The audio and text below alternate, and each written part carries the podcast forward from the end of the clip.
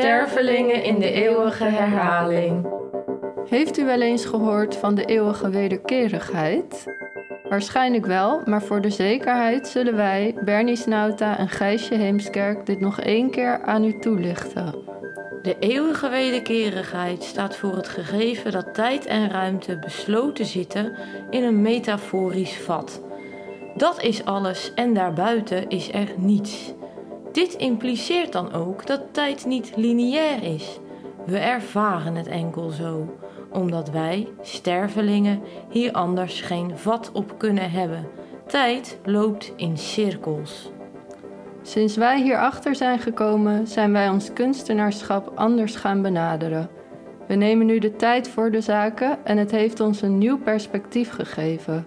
Een metapositie zou je haast kunnen zeggen. Deze respectievelijk nieuwe positie willen we graag inzichtelijk maken aan de gewone sterveling, zodat zij ook de vruchten kan plukken van dit eeuwige bestaan. We zullen daarom, speciaal voor u, ons door de tijdcirkels heen bewegen en bijzondere mensen onderwerpen aan een diepte-interview. Voor deze derde aflevering hebben we hulp gezocht bij Beyond Medicine, een healingcentrum waar je een ET-healing kan krijgen. Dat is een healing door contact te maken met extraterrestrials, oftewel buitenaardse wezens. We spraken met Jacqueline Violet. Samen met haar zijn we afgereisd naar de toekomst. We kwamen in contact met haar bovenmaanse zielsverwant extraterrestrial Joel. Hij vertelde ons over de toekomst en hoe vanuit het toekomstperspectief onze huidige tijd aanschouwd werd. Nou, leuk om jullie uh, allebei te zien nu. Ja, ook leuk om jou te ontmoeten, Jacqueline. Likewise. Ja, ik heb altijd, zeg maar, ik laat iemand altijd uh, vragen stellen. Hè, want jullie hadden het over tijdlijnen, tijd, uh, dat soort dingen. Nou, daar ben ik ook wel, wel aardig in, in thuis. Ja, het is een, het is een, je kunt het zien als een healing reading. Mm -hmm. dus ik krijg heel veel informatie door voor jou. Mm -hmm. dus ja, je, je kunt van alles meenemen in de sessie. Dus. Maar ik, ja, ik laat het even aan jou, Benice, wat je zou willen weten. Oké, um, ik wil graag communiceren met een kunstenaar uit de toekomst. Een IT-kunstenaar. En als eerste vraag wil ik weten hoe diegene heet. Ik weet niet of ik, een, uh, of ik per se een naam doorkrijg. Ja, ja, ik, ik ben al een beetje aangehaakt, merk ik. Want mijn team die zegt wel, ja, what's in the name? Weet je? Wat, ja, uh, ja, zeker als hij uit de toekomst komt. Wij, wij zijn natuurlijk lineair, maar ja, toekomst is ook nu. Nou ja, goed, dat zal je wel weten natuurlijk. Mm -hmm. Het is al, het is parallel. Ja. Uh, dus ik weet niet of ik een naam doorkrijg. Mhm, mm oké. Okay. Dat gaan we zien. Uh, is dat je enige vraag? Um, nee, ik wil ook graag weten wat de visie van die IT is op de mensheid. Ja, super, super. Ja, ja heel leuk. Mm -hmm. En ik zal even voor jou apart even een, uh, ook een, uh, een opname maken. Okay. En dan kunnen jullie die uh, later ook even. Dus ik spreek hem heel even in. Ja. dit is de opname voor Bernice. Oké, okay. Nou wat, ik nu ga doen is dus even contact maken dus met mijn uh, IT-gids uh, en team. En daarna neem ik even jouw energieveld, dus gewoon jouw naam en, en ik weet nu hoe je eruit ziet, dus daar maak ik een verbinding mee en dan begint het gewoon te stromen. En alles wat ik voel, zie, hoor, weet, innerlijk, dat zal ik je, zal ik je zal ik doorgeven. Oké. Okay. Ja? Dus oké. Okay. Ja. Oké. Okay. Dus dan uh, ga ik eventjes dat contact maken.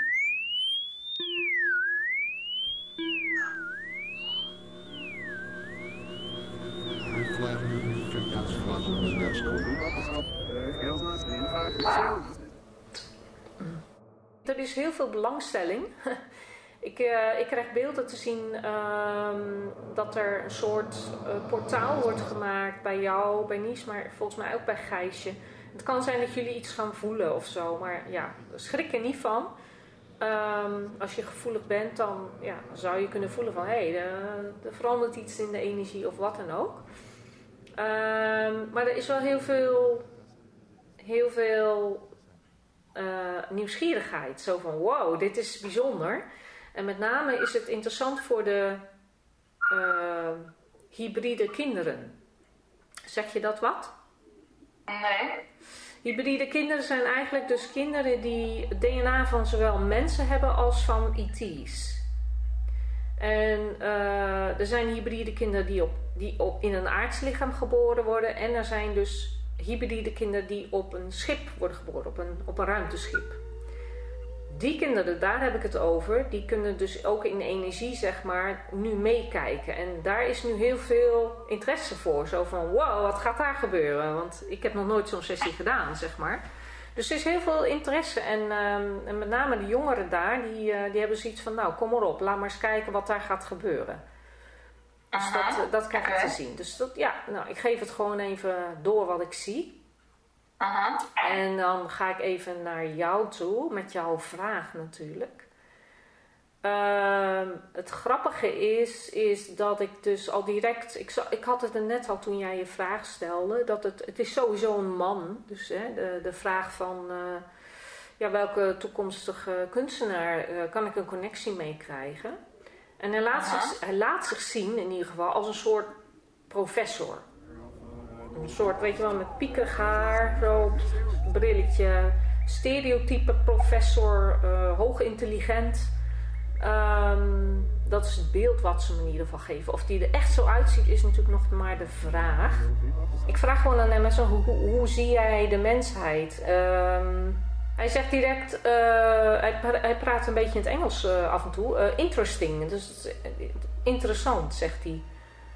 Um, dan zie ik dat hij een boek heeft en dat hij dat nog, dat hij dat nog niet helemaal zich eigen heeft gemaakt. Omdat hij zo bezig is geweest met zijn eigen leven te leiden en dat hij nu dus dingen gaat maken. Hè? Dus hij heeft geleefd als het ware. En hij is die tijd zich nog aan het eigen maken. Dus hij, hij heeft nog wat te doen als het ware. Niet dat dat nou allemaal per se via boeken gaat in die tijd, maar dit is de manier waarop ik, ik het kan begrijpen.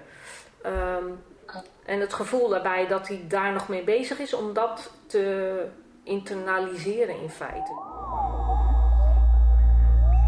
Hij vindt dat we heel moedig zijn, dat wij geïncarneerd zijn in deze tijd. Uh, en vooral mensen die echt bewust zijn van wat er werkelijk gaande is. Um, maar hoe dan ook, het is een challenging time. Het is echt challenging. Het is heel uitdagend. Uh. Ja, en hij zegt, poeh, ik ben blij dat, dat ik dat niet hoef te doen. En dat, ik, dat, dat jij dat doet voor mij eigenlijk. Dus jullie zijn zo geconnected, hè? Dus het, het, ja, ik denk echt dat het een parallel leven is van jouw eigen ziel. Oké. Okay. Ja. Maar in de tijd waar hij zelf dus in leeft, ja. Uh, die is minder challenging. Ja, omdat mensen dus uh, geleerd hebben, zegt hij, dat mensen moeten eerst hun leven leven. Zo van, wie ben je nou? Wat vind je leuk? Wat wil je ontdekken? Uh, weet je wel, totale vrijheid. Totale vrijheid om te doen wat voor jou als mens, wat wil je nou ervaren hier? Want je weet, je wil ervaringen opdoen. En je laat je dus totaal uh, drijven door uh, je hogere zelf en je enthousiasme. Van waar, waar word ik hier excited van? Waar, waar wil ik heen? Wat wil ik ontdekken? En dat hebben ze wel geleerd om dus, om dus daar uh, totaal op te gaan varen. Is hij dan op een uh, specifieke plek eigenlijk? Of hij op een specifieke plek is? Ja. Ja, oh dat is leuk. Die ga ik vragen. Waar zit jij dan? Want welke planeet? Ik, ik zag hem als een mens. Uh. Ja, oké, okay, ik ga het vragen. Dus, dus waar kom jij vandaan? En ik krijg direct te horen en te zien een, een, een alternatieve aarde. Hij zegt, uh, de aarde zoals waar jullie op waren, zijn, die, uh, die, die, bes, die bestond niet meer. Hij zegt op een gegeven ogenblik moesten wij de aarde verlaten omdat de aarde moe was. Die, die was als bewustzijn, die had zoiets van, ik heb even genoeg, ik heb zoveel gegeven. Ik heb nu even een periode van duizend, tienduizend jaar, zoiets hoor ik. Dus moesten ze een soortgelijk uh, aarde weer gaan zoeken. En die hebben ze ook gevonden. Er zijn tientallen, zegt hij. Tientallen die op aarde lijken. En nu hebben ze echt gevraagd ook aan de planeet van... hé, hey, wil jij ons ontvangen? Wil jij ons ontvangen? Dus echt met respect naar de planeet gevraagd: wil jij ons ontvangen als, ja, als wezens, uh, met een lichaam natuurlijk, aangepast aan de omstandigheden op die planeet. Maar ze zijn nog steeds mens, mensachtig, hè? laat ik het zo zeggen, mens. Meer mens dan, ja, maar wel aangepast. Dus misschien dat de longen groter, kleiner, ik weet het niet, maar dat soort dingen. Dus maar wel aangepast aan de omstandigheden daar die nodig zijn om te kunnen leven. Ja, spijsvertering aangepast, ze eten veel lichter. Dat was er allemaal al veranderd. Ehm, Later in het gesprek kom ik, Gijsje, aan het woord. En vraag ik hoe het met onze eigen leefomgeving gesteld is in de toekomst.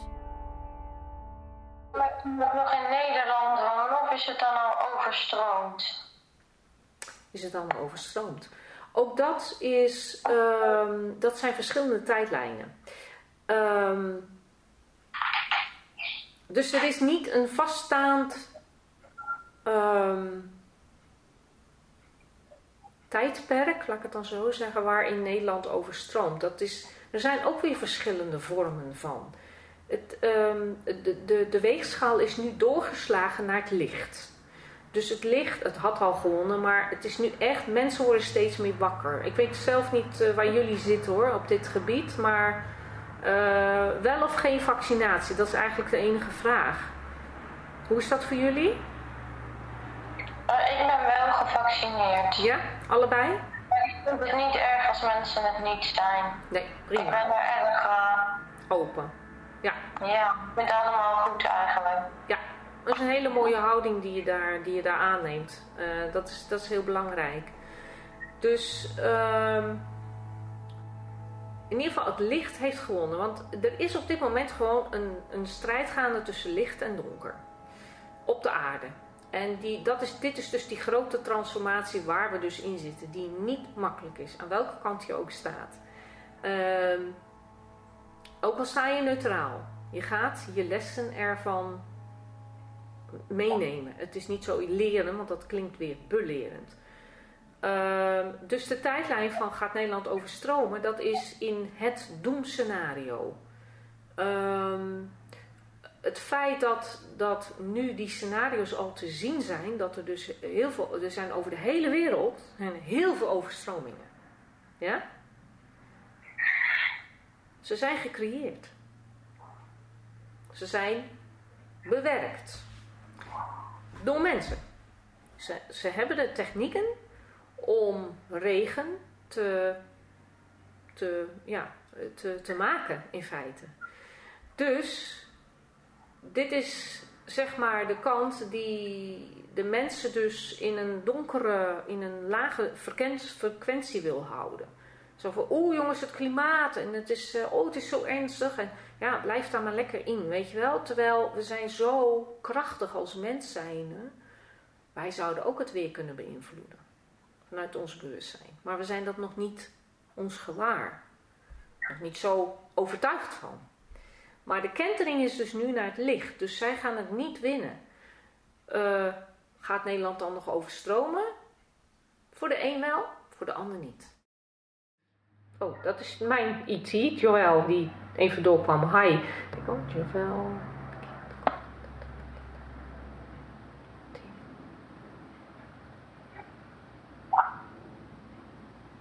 Hm.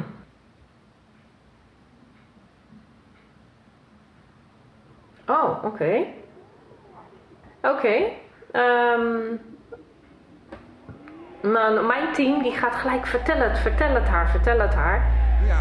De jaren 20 van de 21ste eeuw werden natuurlijk net als die van de 20ste eeuw overschaduwd door ja, de politieke gebeurtenissen die plaatsvonden. Hè. Oorlogen, burgeroorlogen, uh, ja, recessies steken overal de kop op. Een gevoel van dreiging en onzekerheid heerst. Hè, en dat accelereert dan nog door de COVID-pandemie. In combinatie met een ja, toch toenemend besef van de catastrofale gevolgen van de overbevolking, de ecologische vernietiging, de uitputting uh, van de natuurlijke hulpbronnen. Ja, en in deze tijd waar ja, dystopische, bijna apocalyptische uh, visies uh, wijd verspreid waren, ja, ontstond het alienisme. Um, ja, alienisten werkten voornamelijk vanuit science fiction. He, zij verbeelden apocalyptische en donkere toekomstige werelden, bewoond door ja, hybride, doorgaans duivelse wezens. Ja, die laveerden uh, ja, tussen mens en machine of tussen een niet-menselijk organisme en een machine. Nou ja, wat blijkt uit dit citaat is natuurlijk dat kunstenaars hier opgeleid werden met een fatalistische of nihilistische ideologie, waarin uitgegaan werd van een wereld waarin de alomtegenwoordige God vervangen door het alomtegenwoordige spektakel. Met andere woorden, een, ja, een neppe en betekenisloze wereld waarin men zich vervreemd voelt. Hierop volgt dat de kunstenaar uh, wordt aangemoedigd om bedrijfsmodellen of religies te ontwerpen. Uh, waaruit ook kan opgemaakt worden dat de Elinist zich ja, in haar fatalistische houding had neergelegd bij het kapitalisme als de toenmalige religie op aarde. De stroming die op deze periode volgde was zeer kritisch op het Elinisme, werd het Ruïnisme genoemd. Uh, deze nieuwe stroming brak radicaal eigenlijk met het fatalisme van het Elinisme. Ondanks dat ruïnisten ook uitgingen van de wereld als een ruïne, hè, vernietigd door het kapitalisme, was hun denken niet fatalistisch. Ruïnisten beschouwden het Elinisme als een decadente en geprivilegeerde stroming. En wanneer men niks heeft of niks dreigt te hebben, dan rest er dus ja, louter optimisme en dan wordt optimisme ja, eigenlijk een soort overlevingsstrategie. Ja, het feit dat die Elinisten de verdoemenis van de mensheid en aarde hè, middels hun fatalisme cultiveren, dat was volgens de Ruïnisten een decadent en ja, problematisch standpunt. Ruïnisten erkenden de staat van de wereld en werkten vanuit een noodzakelijk optimistische houding aan nieuwe overlevingsstrategieën. Ja, hoe kan men overleven in een geruineerde wereld? Um, geen idee eigenlijk. Nee, natuurlijk niet. Natuurlijk heb je geen idee.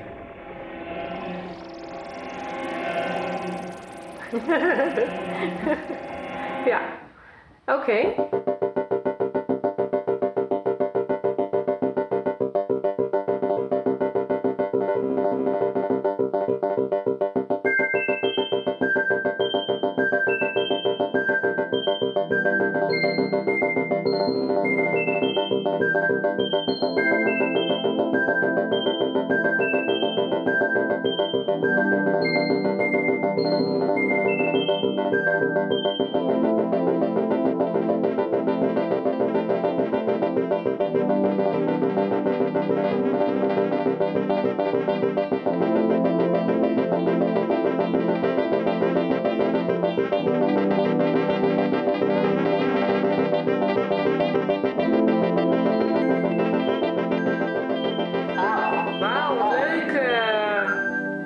Okay. en Gijsje. Ik vind het echt wel uh, heel fijn uh, om dit te doen voor jullie. Ja, ja heel leuk. Vond ik ook een leuk gesprek. Bedankt. Ja, super. Hartstikke leuk. Goed. Hey, ik wens jullie een hele fijne, prettige dag verder en heel veel succes met jullie uh, project.